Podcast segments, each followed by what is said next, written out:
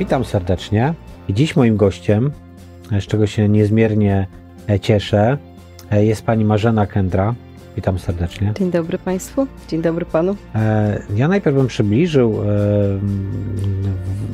Pani jakby historię zawodową i to, co się udało Pani osiągnąć, a sporo jest już na, na tym koncie.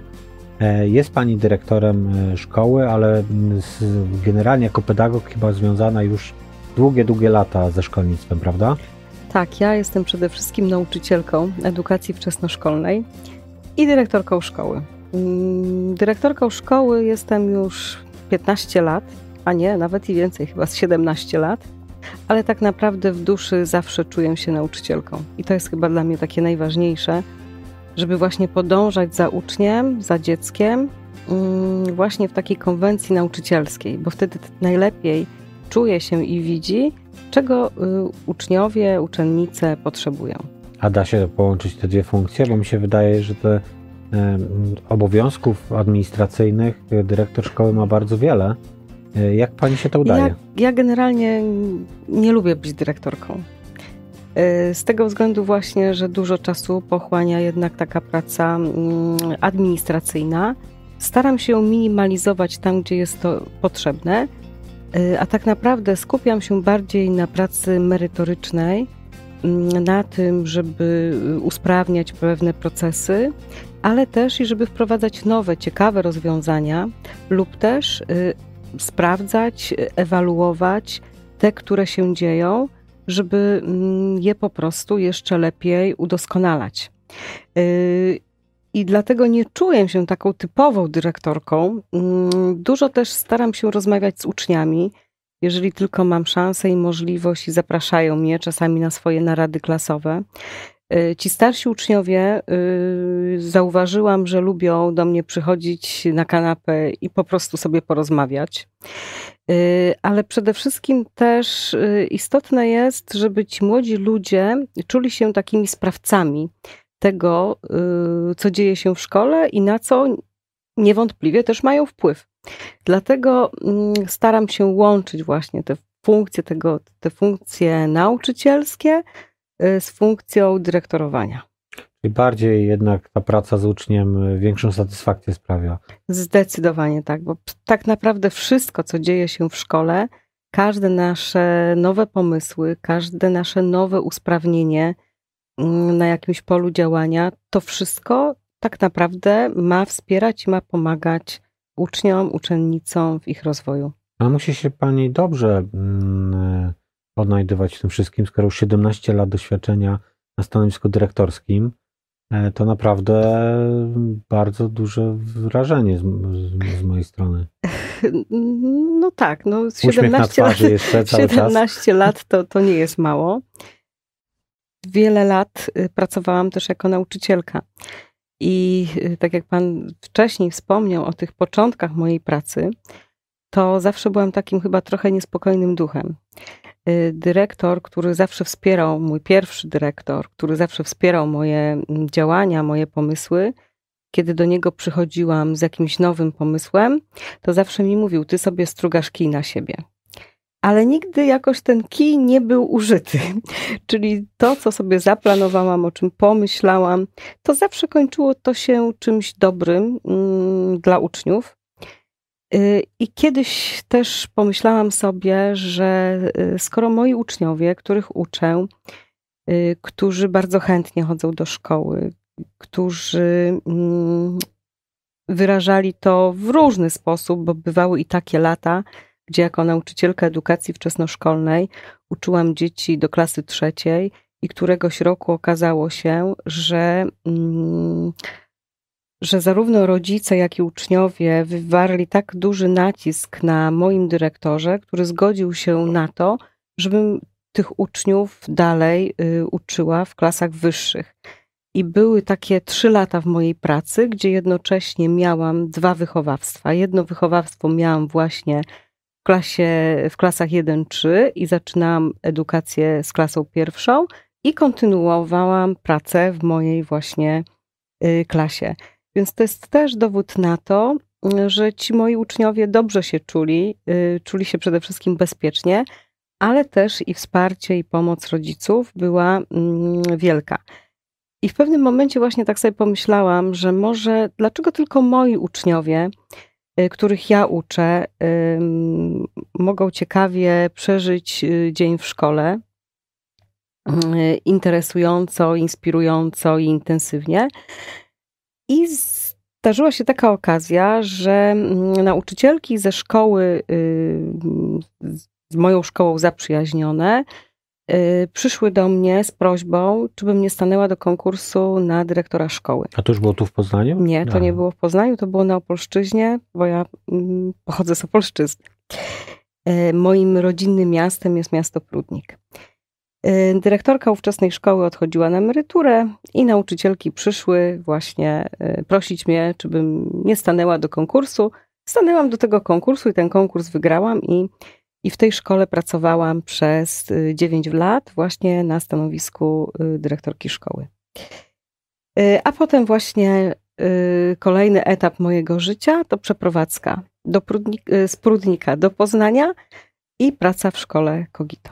I tu również od razu stanowisko dyrektorskie? też... Tak, to było, to jest, mm, to jest taka historia, no niecodzienna bym powiedziała, dlatego że ja tej pracy nie szukałam w Poznaniu, to praca znalazła mnie. E, obecny prezes y, fundacji, czyli y, organ prowadzący szkołę, mm, Fundacja Ogólnopolski Operator mm, Oświaty, y, jest organem prowadzącym szkołę Kogito. Prezes zaprosił mnie na spotkanie i zaproponował mi pracę, i bardzo długo zwlekałam też z, odpowiedzią, czy przyjmę tą pracę, bo przecież to było całkowite, całkowita zmiana w moim życiu, przeprowadzka nagle do innego miasta, w którym może raz czy dwa kiedyś byłam przy okazji jakiejś podróży. Y, ale zdecydowałam się, bo to była mm, o tyle ciekawa propozycja, która gwarantowała mi pełną autonomię i pełną swobodę działania i wdrażania swoich y, pomysłów na szkołę, na szkołę inną niż wszystkie szkoły, szkołę taką, do której przez całe moje zawodowe, y, nauczycielskie życie gdzieś tam dążyłam i o szkole, o której zawsze marzyłam. Co ważne, to chyba jesteście szkołą publiczną, prawda? Y, tak, Kogito jest szkołą publiczną. I to jest jakby jednak i w szkołach publicznych można Naszą misją i celem jest to, żeby popularyzować właśnie te inne podejście do edukacji, ale zanim wejdziemy w ten inny, bo on mnie bardzo ciekawi i na pewno ten wątek jeszcze wróci, chciałem jakby mm, tematem dzisiejszego odcinka było, jest taką podstawą, prowadzeniem trochę o pruskim modelu nauczania. Dlatego, że mm, wielokrotnie jak rozmawiam z ludźmi, to nie mają świadomości, jaki jest system edukacji u nas, dlaczego taki jest, skąd jest. Pan jako taki pedagog szkolny właśnie jeszcze za czasów, kiedy uczyła te klasy 1-3 i zaczęła uczyć pozostałe i, i spojrzała na to, dlaczego tylko moje klasy mogą mieć e, tak dobrze, skoro mogły mieć także cała szkoła albo a najlepiej to cała Polska, to jakby pani miała tak ze swojej strony określić takie największe wady obecnego modelu nauczania ze swojej pedag- e, jako pedagog, ze swojej perspektywy. Y, ja przede wszystkim, mm, z czym mi się kojarzy taki pruski model edukacji? edukacji. Pruski model to dla mnie wszyscy to samo w tym samym czasie. Czyli też taka szkoła, trochę ją nazywamy szkoła transmisyjna, podająca, czyli nauczyciel stoi naprzeciwko swoich uczniów, wykłada, podaje temat, uczniowie mm, podążają, podążają za nauczycielem wszyscy robią to samo, gdzie nie ma możliwości takiego mm, podążania y, za uczniem, gdzie zadawanie pytań przez uczniów jest niekoniecznie dobrze odbierane, a przecież tak czasami to najważniejsze są te pytania niż te odpowiedzi. Y, I przede wszystkim to też dla mnie taka pruska szkoła, to tak czasami ja, mm, tak mała taka dygresja, od początku swojej pracy zawodowej dla mnie y, bardzo bliska jest y, pedagogika alternatywna, w tym przypadku pedagogika Celestyna Frene. I Frenet często mówi o tym, że szkoła, właśnie on może nie, nie powołuje się na pruską szkołę, ale on mówi o tym, że szkoła nie powinna być y, koszarami, że szkoła nie powinna być świątynią, że szkoła nie powinna być fermą kurzą, że y, szkoła nie powinna być szklarnią, że szkoła powinna być y, placem budowy, gdzie każdy dokłada cegiełkę i wspólnie buduje się mm, organizację, ale naszą. taką organizację uczącą się, gdzie każdy się uczy, gdzie nauczyciel właśnie podąża za zainteresowaniami, za potrzebami ucznia, a uczeń nie jest wciśnięty w jakieś ramy. Y, I czasami też ten model pruskiej szkoły y, przedstawia się jako za pomocą takiego piktogramu mózg y, uwięziony gdzieś tam w klatce. I to tak trochę chyba jest właśnie w tym plus, pruskim modelu szkoły, a nam przede wszystkim właśnie chodzi o to, żeby dzieci byli sprawcami też, żeby też mogli decydować, żeby brali odpowiedzialność oczywiście też za swój mhm. proces uczenia się, mm, bo to nie znaczy, że jeżeli odchodzimy od y, takiej szkoły transmisyjnej, to uczeń może robić co chce i jak chce, tylko są wyraźnie określone y, zasady, cele, sposoby działania. To zatrzymajmy prze... się właśnie, co chcę, jak chcę, bo to są najczęstsze, przepraszam, że, że, że w trakcie, natomiast najczęstszy argument, jaki słyszę, e, no tak, ale jak wy chcecie taką szkołę przyszłości, e, jak mówimy o fundacji, którą zakładamy, i my tą fundację za, założyliśmy z pobudek też naszych, wewnętrznych, bo zrozumieliśmy, że, że mamy oddolne zarządzanie, mamy turkusową, e, turkusowe zarządzanie, ja podobnie myślę, że tu cechy nasze wspólne to takie, że ja też nie chciałem zarządzać. O, dlatego, że uważałem, że inni zrobią to lepiej. Jeżeli oni będą mogli być ekspertami w swoim obszarze, to, to jakie ja mam możliwość podejmowania za nich no racjonalnych no tak. decyzji? Także to, to, to jest cecha, która nas łączy, ale zrozumieliśmy, że mamy problem z kandydatami do, pra do pracy, bo nie każdy chce brać tę odpowiedzialność. Zaczęliśmy to, ja zacząłem drążyć ten temat, ale nie tylko, bo to poszczególne osoby w zespole mhm. się okazało, że również każdy na swój sposób. No i trochę nas ta szkoła nie przygotowuje do takiej, do takiego ubrania odpowiedzialności, do takiej kreatywności, do, do tego, że nie mamy kontroli, że nie mamy nakazowego systemu, jak to się odnaleźć w tym. I zrozumieliśmy, że, że no winą jest za e, tego stanu rzeczy jest e, system. Mamy też swoje oczywiście pociechy dzieci, część z nas, więc widzimy to na co dzień też od tej drugiej mhm. strony. Nie dość, że pamiętamy swoją szkołę. Swoją. I taki argument, który najczęściej pada, no ale to jest niemożliwe, bo jak, jak to będzie, powiem wprost, luzacka szkoła, e, to poziom będzie żenujący i nikt tam się niczego nie nauczy. Jak, jak, jak walczyć z takimi argumentami? My od momentu, kiedy dziecko przekracza próg szkoły, ale nawet i w przedszkolu, bo też mamy przedszkole y, w Kogito, y, to uczymy dzieci planowania pracy. Y, czyli Dziecko zna cel swojej pracy, dany, przewidywany na dany tydzień, czy czasami dwa tygodnie, wie, czego będzie się uczył, wie, jakie nauczyciel przygotował dla niego zadania, i to dziecko decyduje o tym, które zadania y, kiedy będzie y, realizowało, których zadań się podejmie do zrobienia indywidualnie, bądź w grupie, bądź w parze. Y, takie dziecko dostaje taki arkusz do planowania pracy jest tam też określony deadline, do kiedy te zadania trzeba, trzeba wykonać, i każde dziecko musi się rozliczyć ze swojego planu pracy. Czyli musi złożyć mm, takie, mm, takie sprawozdanie, taką informację, pokazać swoje wytwory pracy, które powstały. Więc to jest jakby jedna, jeden z elementów, mm, technika pracy, którą, którą stosujemy systematycznie i wdrażamy od samego początku, kiedy dziecko przychodzi do szkoły.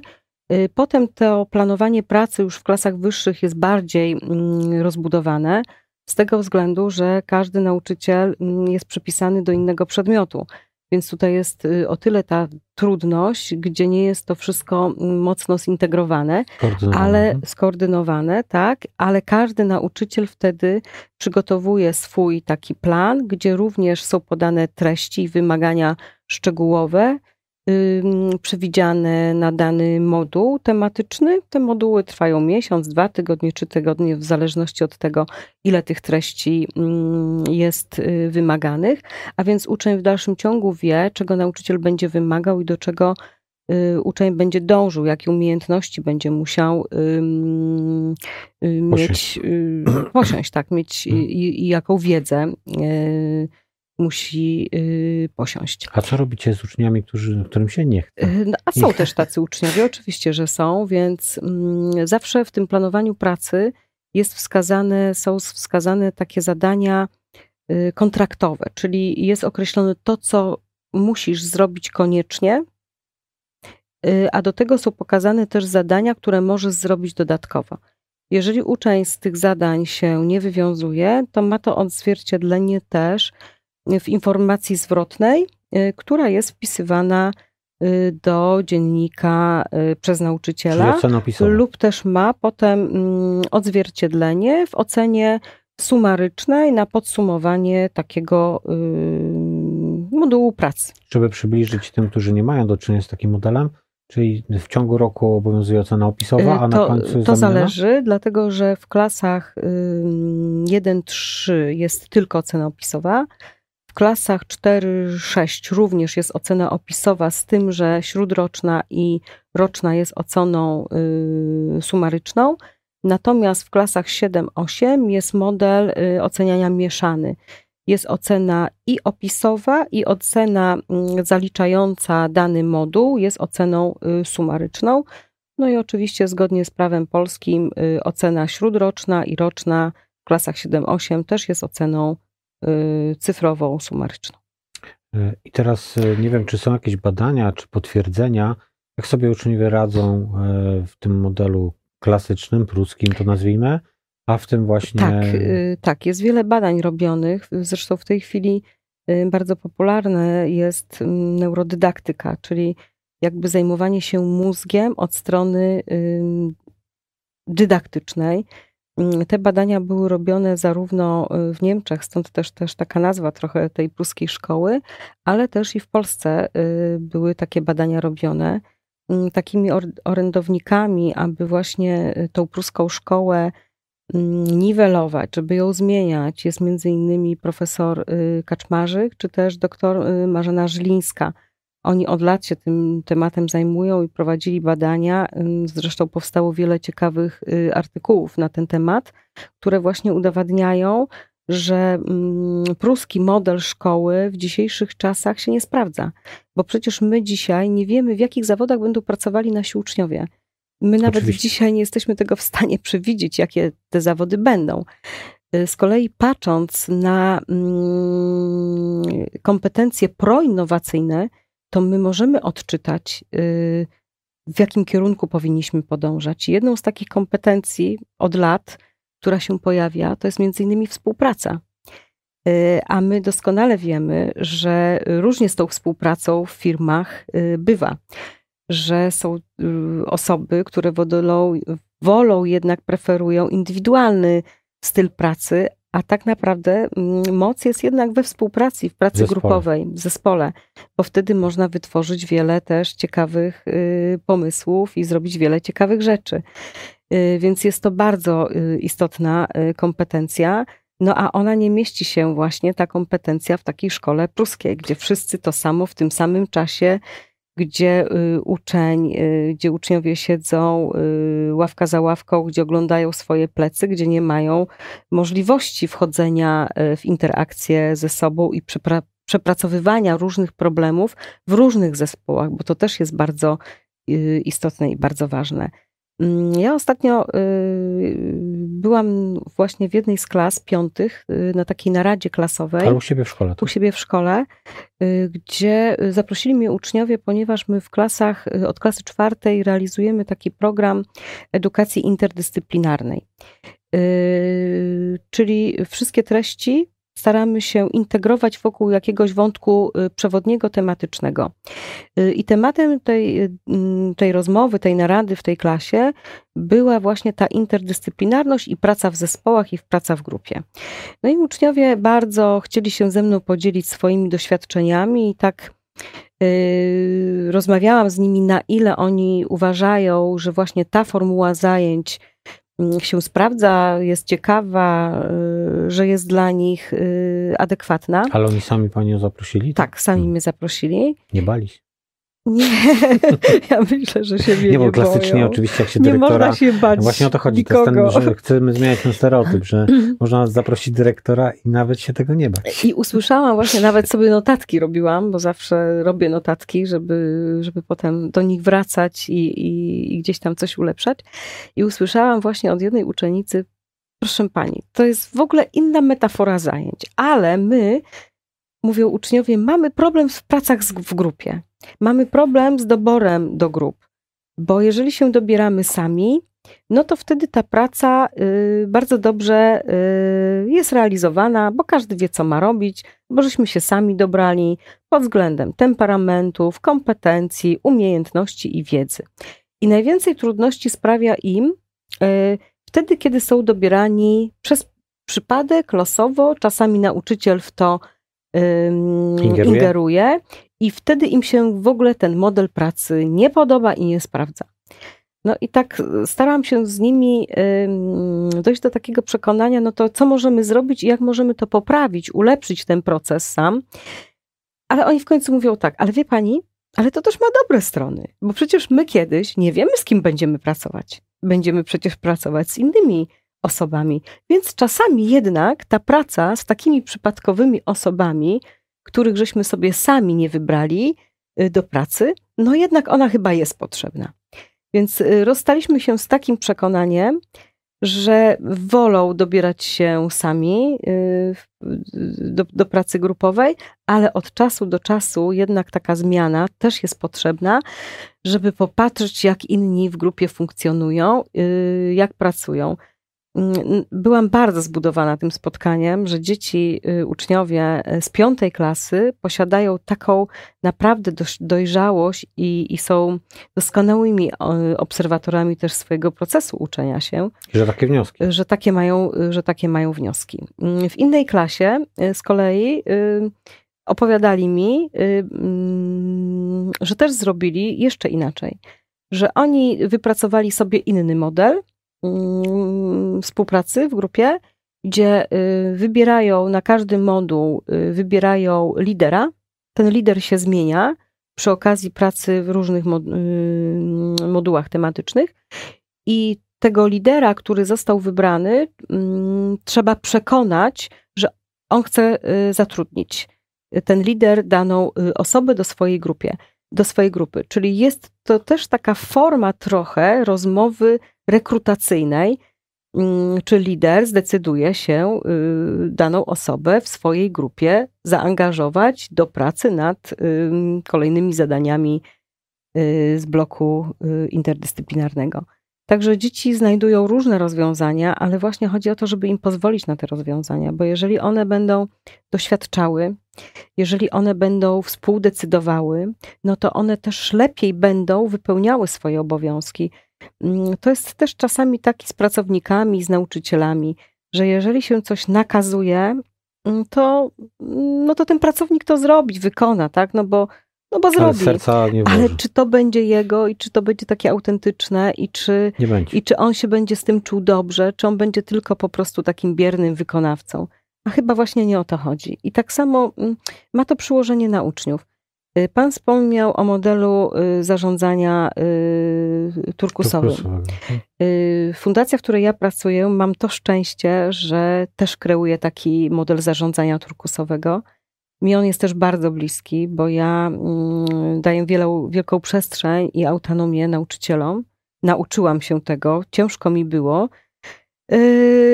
oddać tą przestrzeń, bo wydawało mi się, że że ja to chyba zrobię lepiej, y, ale uczę się tego cały czas i, i widzę, że to naprawdę przynosi efekty. I, I, jeżeli ja jako dyrektor daję tą przestrzeń nauczycielom, daję im autonomię, to też i oni tą autonomię siłą rzeczy będą dawać swoim uczniom. Y, I o to też chodzi. Oczywiście też y, musimy stawiać granice.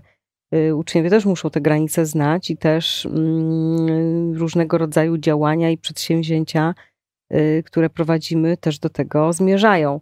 y, dzieci z natury. Zresztą chyba my dorośli też lubimy czasami te granice gdzieś tam przestawiać. Ale mm, jeżeli konsekwentnie dążymy gdzieś tam do, jesteśmy konsekwentni i autentyczni i wiarygodni w tym, co robimy, to też ci uczniowie podążają za nami.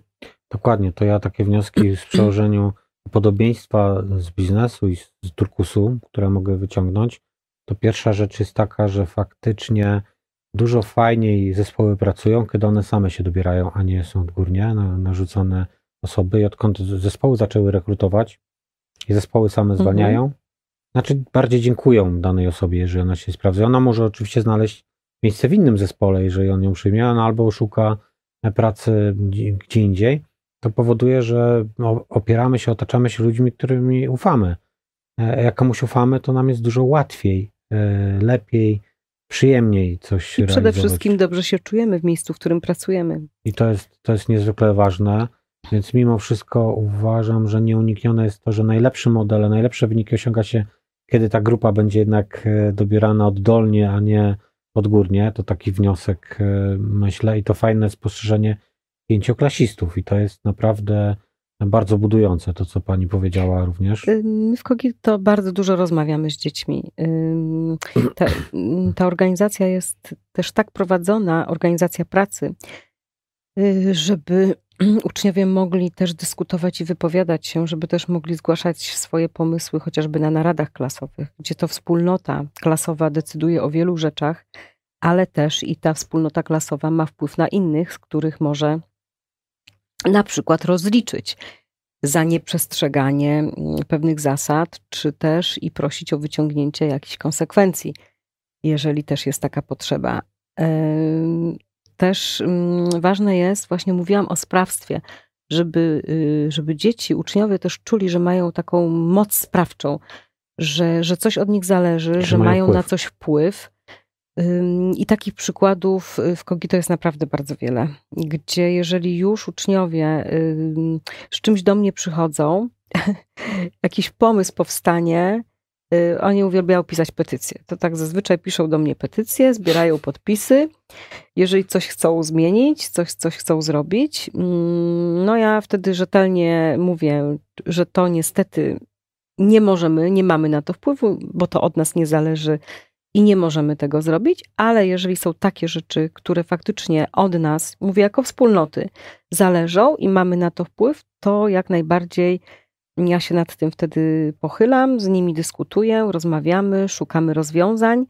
A taki mm. przykład ostatniej petycji, która została pozytywnie mm. tak, y, taka petycja y, wpłynęła mm, właśnie rok, równo rok temu. Y, była to prośba, była to petycja dotycząca powstania placu zabaw. Y, przedszkole ma swój plac zabaw, ale bardzo go strzeże i nie wpuszcza tam uczniów. Mm, no bo on jest przeznaczony dla dzieci z przedszkola. No ale uczniom też się zamarzyło mieć swój plac zabaw, więc napisali petycję. Przyszli do mnie z tą petycją i mm, podpisaną przez inicjatorki. Inicjatorki były wtedy w piątej klasie, dzisiaj są już w szóstej klasie. I przyniosły mm, w pudełku setki karteczek. E, gdzie pisało, jakie, jaki on, jak sobie wyobrażają ten plac zabaw. Więc e, stwierdziłam, że dobrze, ja petycję biorę, ale ja tych e, karteczek nie będę czytać. Że oni muszą to tak zrobić, żeby mi to się łatwo czytało, żebym ja to chciała przeczytać, że muszą to uporządkować. No więc stwierdziły dziewczęta, dobrze, to my z tego zrobimy mapę myśli. Więc myślałam, że im te 100 karteczek, ponad 100, no bo uczniów wtedy było 500, więc myślę, że tam z 300 tych karteczek było na pewno. Więc myślę, to im pewnie zajmie kilka dni, mm, zanim one to uporządkują. Po czym po dwóch godzinach były z uporządkowanymi karteczkami poprzyklejanymi, zrobiły faktycznie mapę myśli. Wszystko było y, zaplanowane, uporządkowane, co chcą, jak chcą. Poczytałam to, dałam im odpowiedź, że tak, będziemy robić plac zabaw, mm, po czym młodzież zaproponowała, że chcą mieć też y, swój udział w zrobieniu tego placu zabaw i postanowili, że będą cały czerwiec robić lemoniadę, będą ją sprzedawać. Akurat nie było gorąco, więc sprzedawali tą lemoniadę uczniom. Rodzice im w tym pomagali, aczkolwiek to była bardziej inicjatywa jednak uczniowska i, i, i to robili. Y, uzbierali nawet 500 zł. Spotkaliśmy się jesienią y, we wrześniu z wykonawcą. Y, ja poszukałam w międzyczasie środków na realizację tego placu zabaw.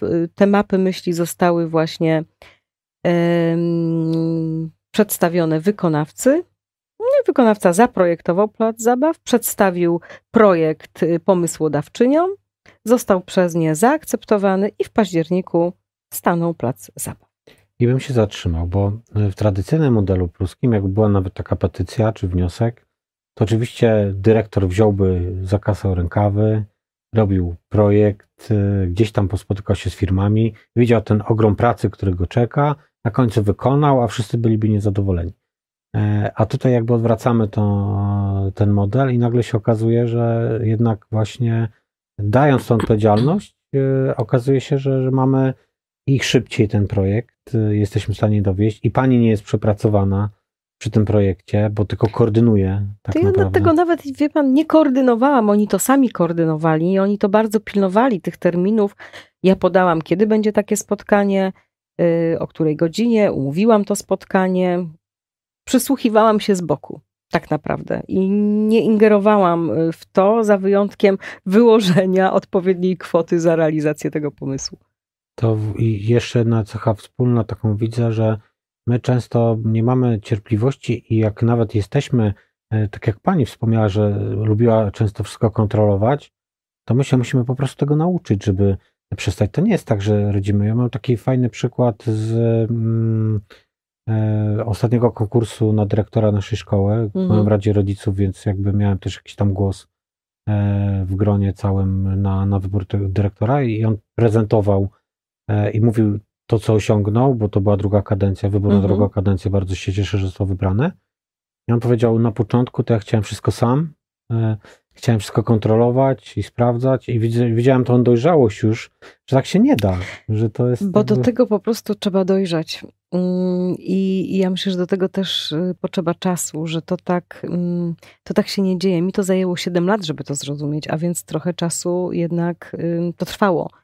Y, może to też wynikało z tego, że jako nauczycielka, no to odpowiadałam za wszystko i tak naprawdę to, co się działo, to dyskutowałam o tym z rodzicami, ewentualnie, którzy, y, którzy wnosili też pewne pomysły i wspólnie żeśmy mhm. je y, realizowali. Natomiast jednak cała odpowiedzialność była po stronie nauczyciela w dużej mierze. Natomiast w przypadku, kiedy jest się dyrektorem, to na początku są też takie obawy kontroli, strach może przed tym, że się czegoś dobrze nie, nie zrobi zgodnie z, z prawem, że może jak ten dyrektor to skontroluje, to może będzie miał takie przekonanie, że, mm, no, że jest dobrze, że jest wszystko tak, jak potrzeba. A to, a to zupełnie, a to zupełnie wygląda y, inaczej. I przychodzi takie olśnienie, i mnie tak w pewnym momencie życia tak mnie olśniło, zupełnie przez przypadek, a może tak miało być, gdzie zrozumiałam, że tak dłużej być nie może, że ja muszę jednak coś zmienić, że wszystko dzieje się, idzie dobrze, jest ok, ale jednak nie wiem, czy to są tylko moje pomysły na dobrą szkołę, czy te pomysły są tylko moje, a nauczyciele są ich y, realizatorami? Czy to chodzi o to, żebyśmy wspólnie razem jednak wzięli tą odpowiedzialność za szkołę. Y, I, do, i takie olśnienie po prostu, mm, takiego olśnienia dostałam. Y, I zupełnie niespodziewanie, bo to była też taka dla mnie mm, bardzo znacząca, znaczący moment w moim życiu. To był rok 2012, y, mm, kiedy otrzymałam tytuł nauczyciela roku. 2012 rok. 12. Y, I A tak, to już było w Poznaniu? Nie, nie, jeszcze... jeszcze nie. I tak właśnie to była wielka, to jest zawsze wielka gala na Zamku Królewskim to się odbywa. Y, I tak stałam w gronie właśnie 13 mm, nominowanych do tego tytułu. Galę prowadził y, Artur Barciś i w pewnym momencie y, przeczytał moje imię i nazwisko, że właśnie y, dostałam ten tytuł. To jest taki bardzo prestiżowy, prestiżowy. tytuł. Gratuluję przy okazji. Y, I tak sobie w tym momencie tak mi przeszło tak przez moją głowę, Boże, ale czy to naprawdę jest mój tytuł? Czy, czy to też nie powinien być tytuł nauczyciel, nauczycieli, z którymi pracuję? I na ile ja im dawałam możliwość i sposobność i taką przestrzeń y, do tego, y, żebyśmy razem coś robili i coś tworzyli. I to był bardzo kluczowy moment, kiedy zrozumiałam, że po prostu tą przestrzeń trzeba oddawać. Hmm. I tak sobie pomyślałam, że właśnie, że ja tak jako nauczycielka y, to dawałam przestrzeń moim uczniom i zawsze nawet się strofowałam, jeżeli sama siebie strofowałam, że nawet jeżeli chciałam ich wyręczyć i chciałam coś za nich zrobić, to gdzieś tam się łajałam w środku, że nie, jednak nie, poczekaj na uczniów.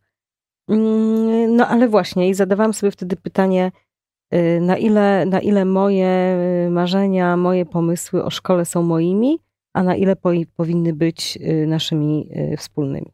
Rozmarzyłem się i mówię, nawet bym chciał wrócić do szkoły, e, do, do tej waszej szkoły, ale pomówmy o tym, dlaczego w związku z tym nie zmieniamy tego modelu e, pruskiego, skoro on jest taki, no nie jest za dobry. I, i ja powiem więcej, jestem dobrym przykładem osoby, która no, prześlizgała się przez podstawówkę, uczyłem się tylko jak musiałem.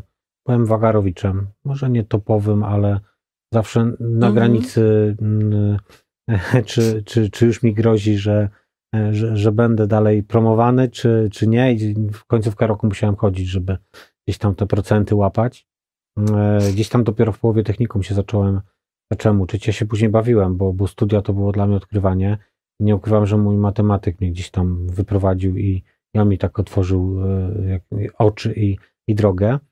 E, I powiem tak, że wcale nie za dużo straciłem, powiem z tej perspektywy, więc naprawdę można nadrobić nawet ten, ten okres e, nieuczenia się w okresie i podstawówki i umie połowę technikum i można, wiadomo, jakieś tam braki pozostaną, natomiast nie, nie są one aż tak bardzo ograniczające. I pytanie w związku z tym, dlaczego my tak bronimy tego modelu? Czy on jest, powiem, poruszamy różne wątki, czy on jest y, sprzyjający klasie politycznej, że łatwiej nami sterować, zarządzać? Bo się zastanawiam właśnie, z czego to wynika. Ja nie znam odpowiedzi na to pytanie, naprawdę, dlatego że przecież po to powstało, po to zaczął się nurt nowego wychowania, który tak naprawdę też krytykował y, sposoby nauczania herbartowskie. Stulecie dziecka, które zostało ogłoszone, miało to też zmienić. Miało pójść, ta, ta droga y, miała być inna. Szkoła miała być inna. I wielu, y, i wielu pedagogów, Montessori, właśnie Frenet, szkoła waldorska, szkoła demokratyczna, to są wszystkie ruchy nowo, nowoczesnej szkoły, szkoły one alternatywnej, a one się mimo wszystko nie przebijają. I to nie jest kwestia tylko w Polsce. Ja ostatnio byłam na wizycie studyjnej, byłam na dwóch wizytach studyjnych we Francji, tak tydzień po tygodniu. Y, spotykałam się właśnie y, z nauczycielami y, ze szkoły frenetowskiej w Marsylii. Spotkałam się też z rodzicami z tej szkoły. I tak żeśmy też o tym dyskutowali, że wszyscy mówimy o tym, że właśnie szkoła systemowa, szkoła pruska jest niedobra, że ona nic nie wnosi, ale tak naprawdę tkwimy w tym. I to jest też problem, myślę, chyba y, na świecie. Tak, że nieliczne kraje, które się zdecydowały, mamy ten dlaczego w fińskim... Może dlatego też to dzieje się tak, że jednak ym, szkoła jest bardzo upolityczniona że ym, proszę popatrzeć, ilu ministrów się zmienia. I to jest nieważne, czy to jest obecnie obecny minister, czy to jest minister, który był 10 lat temu, czy to jest minister, który był 20 lat temu. Każdy, który przychodzi, wprowadza coś swojego nowego.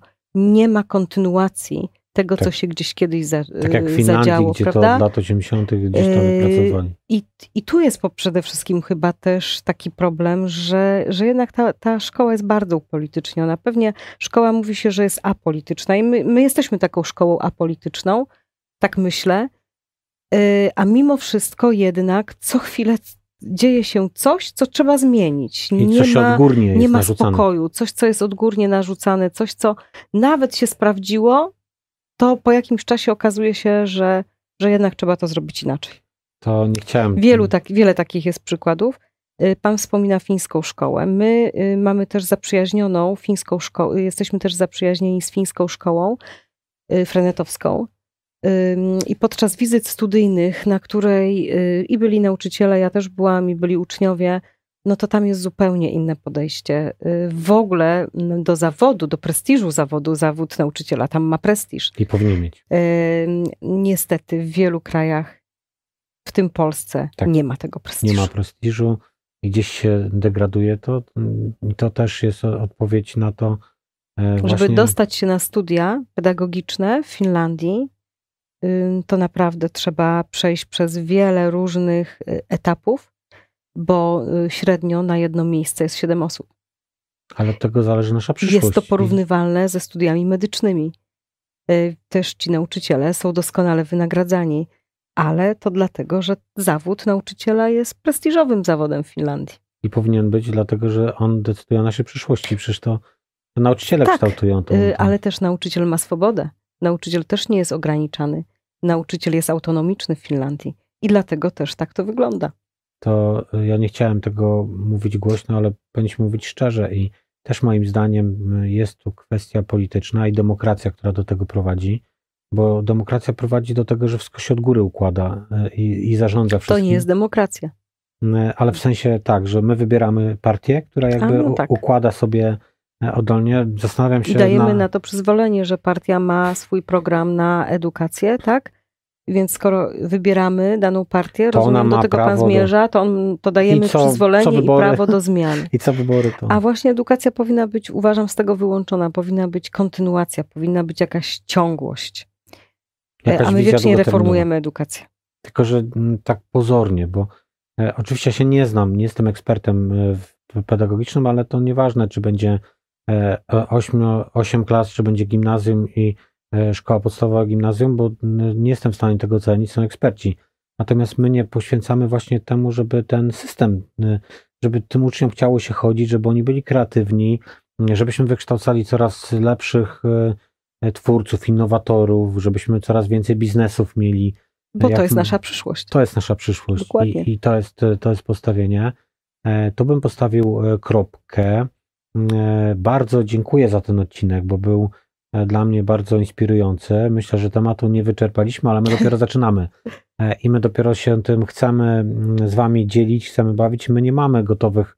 Też chciałem tu powiedzieć, że fiński dlatego podałem jako przykład. On mi się podoba, dlatego że z jednej strony duży luz, duża swoboda dla nauczycieli, bardzo fajna atmosfera w szkole dla uczniów duża przestrzeń do kontaktów interpersonalnych, tak. a pomimo tego Finowie są bardzo wysoko w rankingach. Oni nie są nigdy może pierwsi, byli tam przez jakiś czas nawet pierwsi na świecie, natomiast nie o to chodzi, bo no wiem, w Korei może Korea jest i lepsza pod względem wyników, natomiast liczba samobójstw y, jest już, to nie jest ten model mm. idealny. Dla mnie idealny model to taki, gdzie jest to gdzie to wszystko gra jak puzzle. Dokładnie. Ale proszę też zwrócić uwagę, że polscy uczniowie mm, w rankingach chociażby PISA są bardzo wysoko, ale bardzo nisko, jeśli chodzi o współpracę. A to jest klucz. A to jest klucz. I ja to podkreślam nawet. Gdzie w Finlandii właśnie te umiejętności są bardzo wysoko ocenione. I z perspektywy naszej firmy wiemy, że kluczem jest współpraca i to ta kreatywność i, i całe pomysły biorą się w zespole tam jest 2 plus 2 równa się nieskończoność i jak się y, spotkają te cztery osoby, a w pojedynkę oczywiście oni wydajność krótkoterminową osiągają lepszą pojedynk, w pojedynkę, natomiast długoterminowo no, nie jesteśmy w stanie wygrać nie jako zespół. Tak, e, czyli stawiamy na zespoły. Stawiamy na zespoły. E, na tym kanale również będziemy stawiali na zespoły. Będziemy Was inspirować z różnych stron. Chodzi o to, żebyśmy gdzieś zainicjowali taki ruch społeczny do tego, żeby zmienić to, co, to, co obecne i maksymalnie odpolitycznić w tym takim pozytywnym słowa znaczeniu, bo to nie znaczy, nieważne jaka partia, tylko tak, chodzi o dokładnie. te zbyt częste zmiany, zmiany. Które, które następują. Nie, nie jesteśmy w stanie oswoić się z jednymi, a już, a już są następne. A już są następne, nie jesteśmy w tym momencie w stanie wyciągać e, racjonalnych wniosków. Tego sobie życzmy. E, umieścimy też link e, w tym filmie do Waszej szkoły. Super. Jeżeli kogoś tu zainteresowaliśmy, albo ktoś z Poznania zainspirowany właśnie i chciałby do takiej szkoły zarekrutować, to będzie miał możliwość poprzez link w opisie. E, my ze swojej strony bardzo dziękuję. Ja serdecznie dziękuję. Dziękuję. To było bardzo nadzieję, miłe to... spotkanie. Ja jestem w ogóle zawsze orędowniczką, że trzeba mówić o zmianach w polskiej edukacji. E, I my też również będziemy o nich tutaj odważnie e, mówić. Będziemy zapraszali różne strony. Mm, jesteśmy tu także od strony chcemy pokazać tą perspektywę rodzica, perspektywę pedagoga, dyrektora, perspektywę samorządowca, tego właściciela tego procesu sponsora, bym to, bym to nazwał, jak i ucznia oczywiście. I, I chodzi o to, żebyśmy znaleźli taką drogę e, do tego, żeby stworzyć taki polski model nauczania, już nie pruski, tylko polski nasz, nasz polski model nauczania, który faktycznie wyzwoli kreatywność. A ona jest. Jak obserwuję to, jest, e, jest niesamowita. tak. To jest nasz potencjał. Gospodarka to w ogóle uważam, że jeden z największych potencjałów naszego narodu i myślę, że powinniśmy potęgować te mocne strony E, więc tylko dołożyć do tego dobrą edukację naprawdę wystrzelimy. No bo edukacja to jest podstawa. Dziękujemy Wam za ten odcinek i do usłyszenia. Dziękuję serdecznie.